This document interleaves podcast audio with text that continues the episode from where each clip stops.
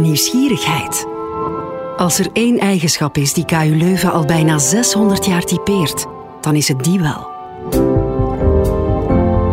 De onbedwingbare drang om de wereld te begrijpen. Geen gedachte wordt daarbij geweerd. Geen piste is taboe. Soms vinden onze onderzoekers antwoorden op vragen die ze zich niet eens stelden. Soms oplossingen voor onbekende problemen. Zo blijven ze zichzelf en de wereld verbazen. KU Leuven zet in op grensverleggend onderzoek. Dat leidt tot innovaties, tot ontdekkingen waar de maatschappij beter van wordt, tot inzichten en tot verhalen. Die vertellen onze wetenschappers zelf in deze podcast. KU Leuven Sonor. Wetenschap gaat vaak over cijfers, maar soms vertelt ze ook verhalen. Verhalen over vroeger, verhalen over nu, verhalen waarin vroeger en nu samenkomen. De geschiedenis herhaalt zich niet, weten historici, maar ze kan ons wel helpen om het heden beter te begrijpen. En zo wordt kennis over wat was, kennis over wat is. Niemand die dat zo goed weet als professor Lien Verpoest. Ik doseer zelf het vak geschiedenis van Rusland. Dat is een plezier om te doen, omdat dat een, een fantastische... Um, bijna een cadeau om te mogen uitleggen wat er allemaal gebeurd is in die regio uh, sinds de uh, vroege middeleeuwen aan de studenten. Professor Verpoest bestudeert hoe de relaties tussen Oost en West evolueren. En dat kan ons helpen om te begrijpen wat er vandaag allemaal gebeurt. Ik had nooit gedacht dat wat ik in mijn doctoraatsonderzoek bestudeerde, die, de moeilijke relatie tussen de Europese Unie en Rusland, dat dat zo snel achteruit ging gaan en dat ik daar eigenlijk mee bezig zou moeten blijven, dat had ik niet verwacht.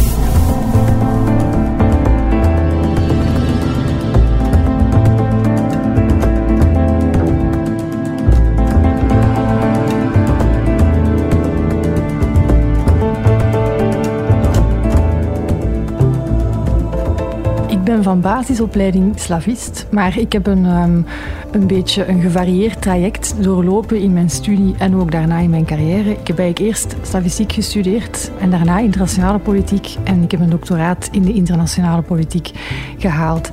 En als onderzoeker heb ik mij daarna eigenlijk ontwikkeld een beetje op het snijvlak tussen enerzijds politieke wetenschap, internationale politiek, anderzijds geschiedenis.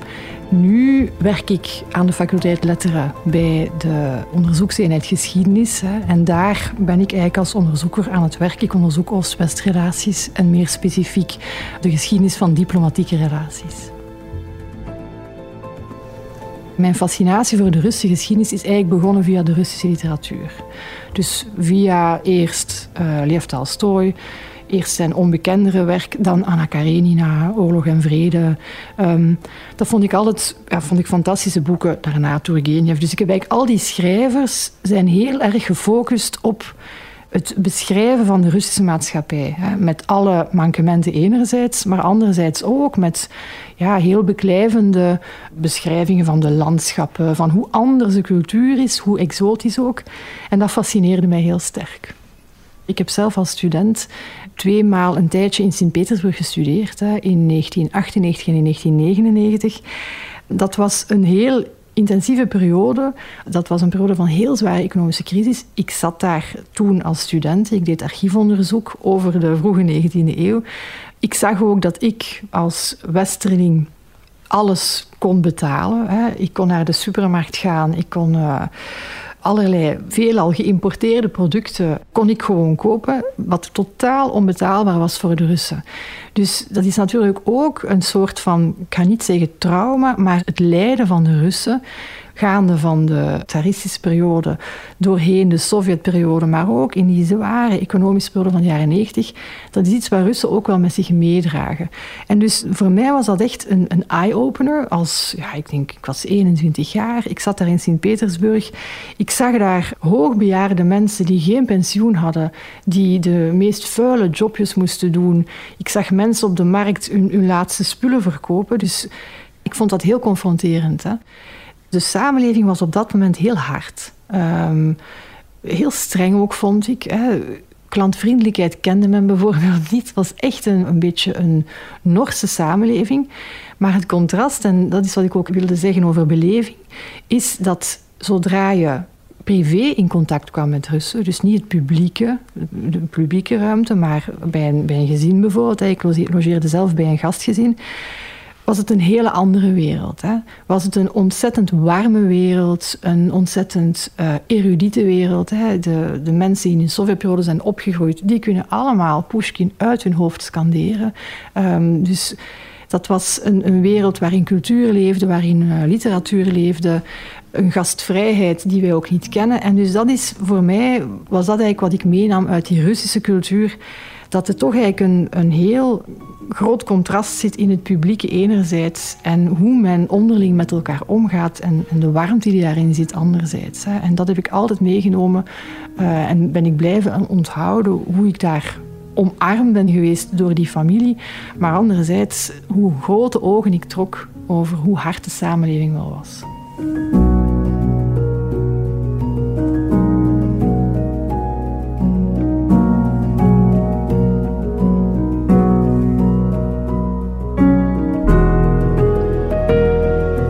Iedereen wist dat er iets gaande was, op til was. Dus eh, de consensus onder collega's was eigenlijk dat men vooral de, de Donbass, die regio, definitief zou willen innemen. Um, dat men echt tot, tot, Kiev wilde gaan, dat werd weggelachen. Natuurlijk, de Amerikanen waren heel correct in hun waarschuwingen. Achteraf gebleken uh, hadden zij echt wel gelijk over de ernst waar zij al lang waarschuwden voor de, de troepenopbouw. In West-Europa hebben wij dat niet gevolgd. Hebben wij dat denk ik voor een stuk vanuit ons meer rationele perspectief weggelachen. We hebben wij gezegd van waarom zou je dit doen? Hier is geen winst. Men kan nooit, ook al is Rusland zo'n groot land, men kan Oekraïne niet innemen. Dus waarom zou men daaraan beginnen? En dat is wat ik bedoel met waarom wij elkaar niet begrijpen. Wij dachten dat is gewoon onlogisch om dat te doen. Terwijl soms wel zo'n onlogische stappen gezet worden. Um, en dus ik was, ik was wel verbaasd ja, dat het uh, um, over de intensiteit waarmee die inval gebeurd is.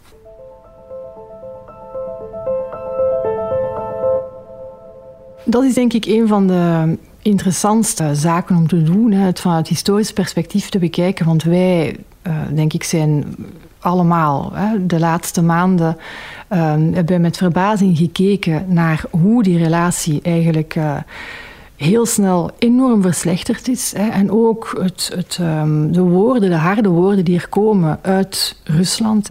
Wij verbazen ons bijna hè, over hoe haatdragend die uitspraken zijn. Dat is absoluut niks nieuw. Hè. Zeker in de 18e eeuw was dat al aanwezig. Toen al zag je dat er frictie was. Rusland is eigenlijk onder de tsaar Peter de Groot in de vroege 18e eeuw en tsarina Katrina de Groot in de late 18e eeuw aan een snel tempo gaan verwestersen. Enerzijds, Peter de Grote heeft heel veel technologische know-how meegebracht. Hij heeft het land eigenlijk gemoderniseerd. Op het einde van de 18e eeuw had je Catharina de Grote. Zij was een echte intellectueel. Dat waren eigenlijk giganten, die twee tsaren, die Rusland ja, een wereldmacht ervan gemaakt hebben. Maar die ook heel gevoelig waren voor kritiek. En dus wat zie je op het moment dat er bijvoorbeeld kritische publicaties verschijnen over Rusland, hè, ten tijde van Catharina de Grote, reageert zij enorm gepikeerd hè, en kan ze eigenlijk het, niet verdragen dat Rusland nog steeds afgeschreven wordt als een land van barbaren, uh, waar niemand weet wat of hoe de wereld in elkaar zit, hè, een woestenij. En daar zie je eigenlijk een voorbeeldje, en zo zijn er heel veel, ook in de 19e eeuw, van een land, een imperium, in de 18e eeuw, in de 19e eeuw Rusland, daarna de Sovjet-Unie, um, dat enerzijds het Westen beschouwt als toetsteen, zij willen verwestersen, maar anderzijds zich ook vaak vernederd voelde door het Westen. En die dynamiek is ontzettend interessant, want enerzijds laten ze zich heel sterk inspireren en anderzijds is daardoor ook de ontgoocheling des te groter als ze zich eigenlijk verworpen voelen door het Westen. Het interessante is ook, als we dan het westerse perspectief bekijken, dat het ook niet zonder reden is. Hè. Voltaire, Denis Diderot, maar ook de bekende Madame de Staël zijn mensen die boeken hebben geschreven in de late 18e eeuw, in de vroege 19e eeuw over Rusland. Maar ook andere bekende namen, zoals Montesquieu of uh, David Hume, spreken allemaal over Rusland als een totaal onderontwikkeld land, uh, waar de boeren leven als beesten, hè, onderdrukt door het lijfeigenschap. Dus de vooringenomenheid is enorm groot.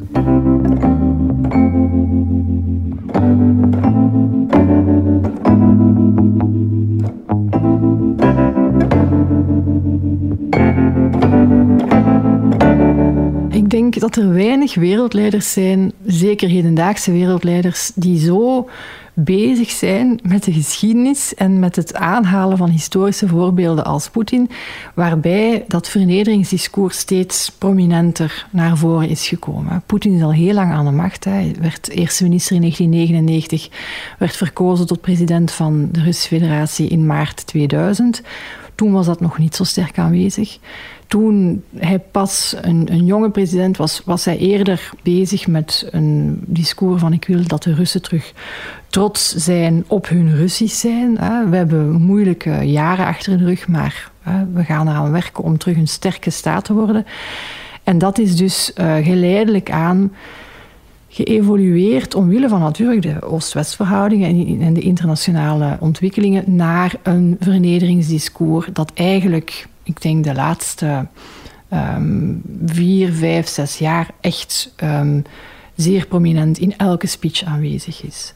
Je weet dat Poetin bijvoorbeeld vorige zomer een heel essay heeft geschreven over Rusland en Oekraïne en hoe zij zich historisch ten aanzien van elkaar verhielden. En dus dat zijn zaken Um, ik weet niet of onze politici zich bezighouden in de zomer met uh, over de geschiedenis te schrijven. Maar dus dat, dat is iets wat, ja, wat eigenlijk een van de grootste kenmerken, vind ik, van zijn presidentschap is geworden. Dus dat vernederingsdiscours, maar ook het enorm vasthouden aan, aan geschiedenis.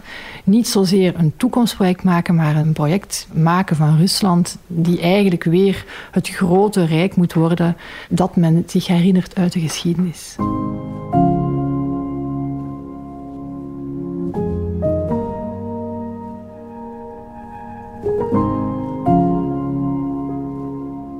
Dus wat je nu ook wel ziet in Rusland is iets wat we vanuit ons onderzoek de weaponization of history noemen.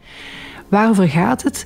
Um, eigenlijk dat geschiedenis als instrument wordt gebruikt of als wapen wordt gebruikt in die verslechterde Oost-West verhoudingen.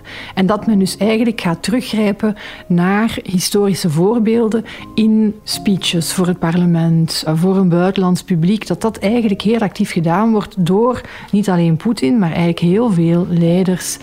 Uh, waarbij dus ja, geschiedenis een deel van het beleid wordt om invasies te legitimeren, um, maar ook uh, arrestaties te legitimeren, van alles en nog wat. En dus dat is een fenomeen dat je eigenlijk de laatste, ja, ik zou zeggen, zes jaar ziet opkomen uh, in Rusland. Hè, dat dat steeds meer geïnstrumentaliseerd wordt.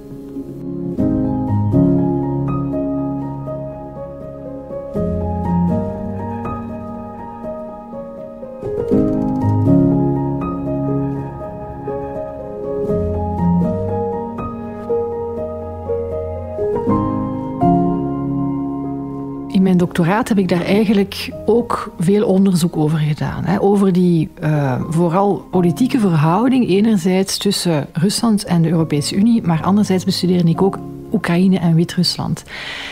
En dus ik denk um, waarom wij niet gezien hebben dat die invasie op til was, heeft dus heel veel te maken met een bepaald verwachtingspatroon dat wij projecteren op Rusland. Hè.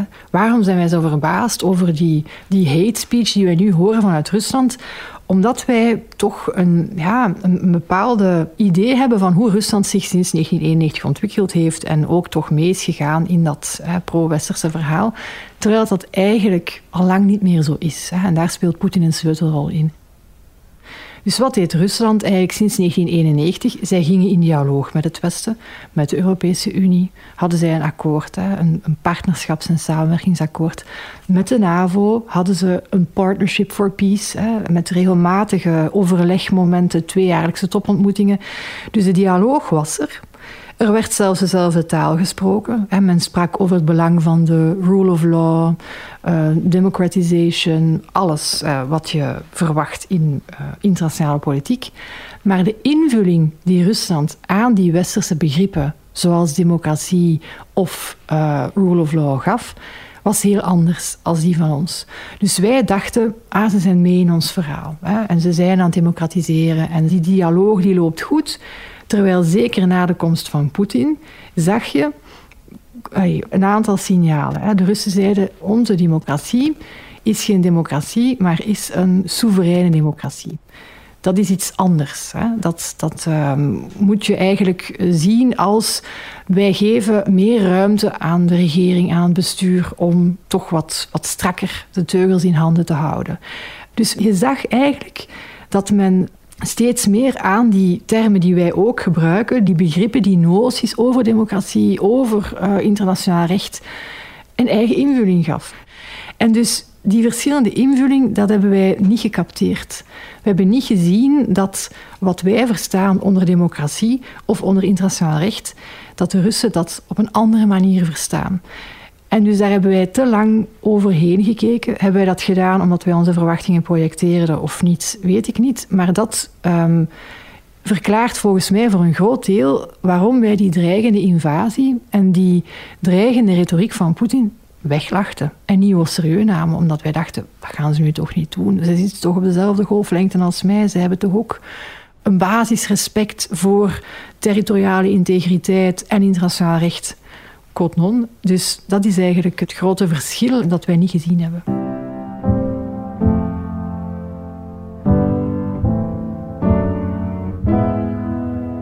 Er is in Rusland, vind ik zeker de laatste um, 10, 15 jaar een ontzettend grote aandacht, een groeiende aandacht voor normen en waarden.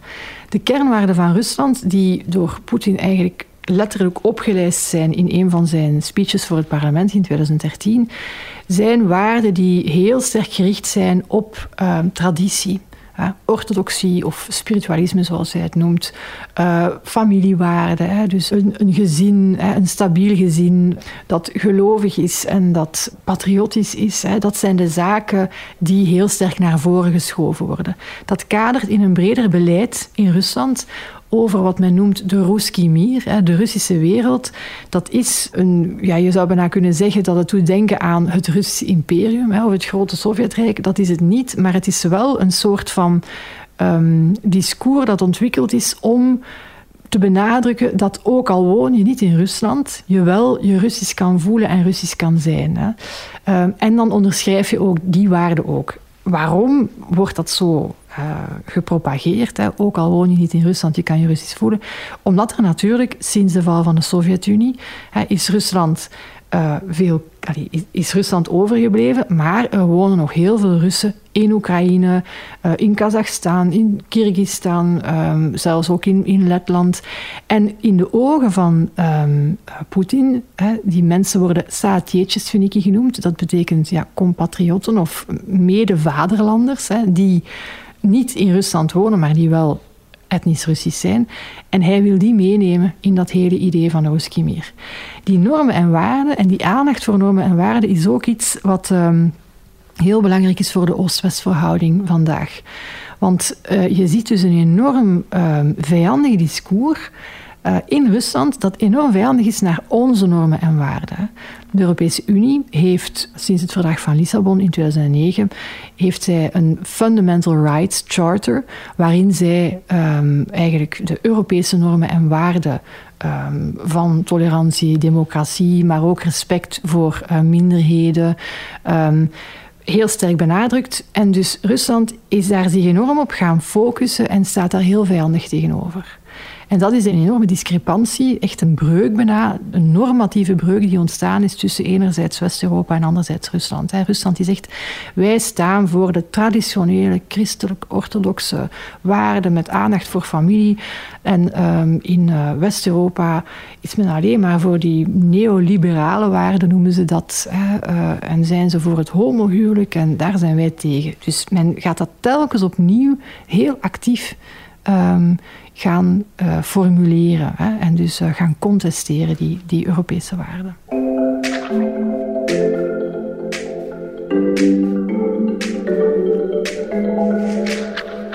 Op een bepaald moment in mijn onderzoek begon ik te kijken naar de geonormatieve verhoudingen. En dus omdat mij dat echt duidelijk werd als je de Russische media, maar ook zeker uh, het politieke discours in Rusland analyseert, dat men telkens opnieuw die Europese waarden gaat aanvallen. Hè. En dus wat men daar dan tegenover stelt, is dat uh, veel conservatievere discours.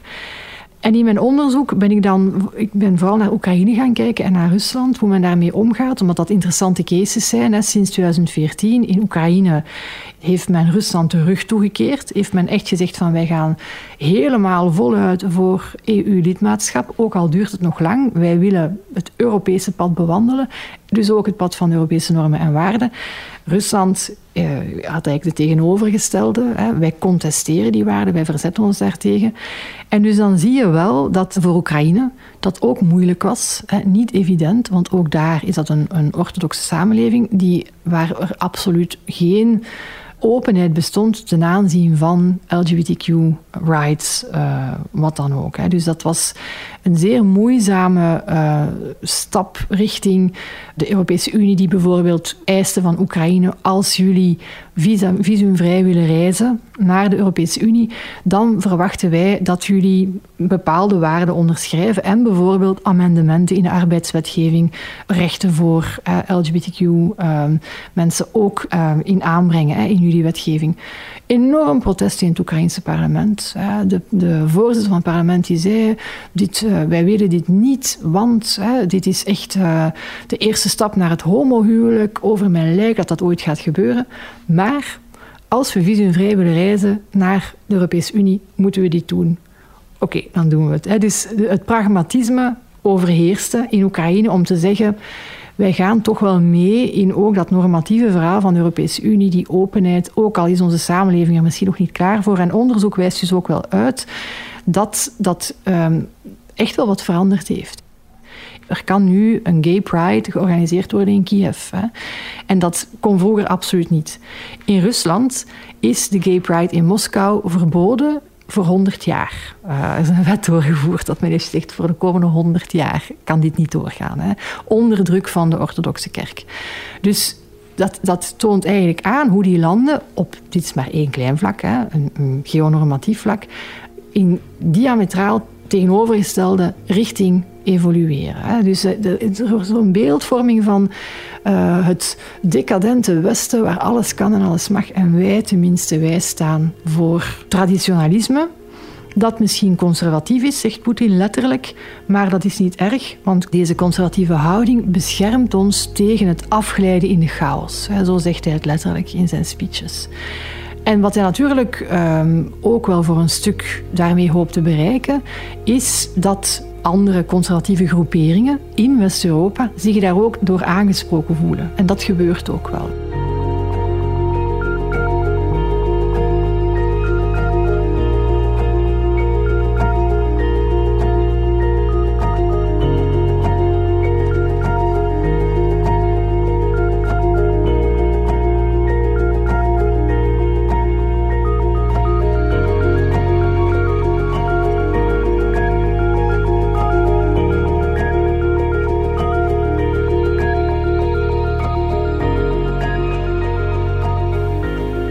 De maatschappelijke impact van mijn werk. Uh, ik, ben, ik doe enerzijds historisch onderzoek, anderzijds hè, ben ik ook wel met actueel politiek bezig. En natuurlijk, als er uh, iets gebeurt hè, in, in Rusland, word ik gevraagd om daar commentaar op te geven of uh, om lezingen te geven. Dat geeft mij heel veel voldoening om daar over te kunnen praten hè, en ook om over mijn onderzoek te kunnen praten. Soms had ik liever gehad dat het niet zo was, hè, want ik had nooit gedacht dat wat ik in mijn, in mijn doctoraatsonderzoek bestudeerde, hè, die retorische verwestersing van Rusland en de, uh, de moeilijke relatie, laat ons maar zeggen, uh, tussen de Europese Unie en Rusland, dat dat zo snel achteruit ging gaan hè, en dat ik daar eigenlijk mee bezig zou moeten blijven, dat had ik niet verwacht. Hè. Mijn onderzoek nu gaat vooral over uh, diplomatieke geschiedenis en ja, de geschiedenis van Oost-West-relaties. Maar de actualiteit haalt dat vaak in. Hè. Dus daaraan merk ik wel dat ik telkens opnieuw word gevraagd om daarmee bezig te blijven. Terwijl ik mij soms misschien graag in de vroege 19e eeuw zou bevinden en daar, of toch op zijn minst in de archieven die daarmee bezig zijn.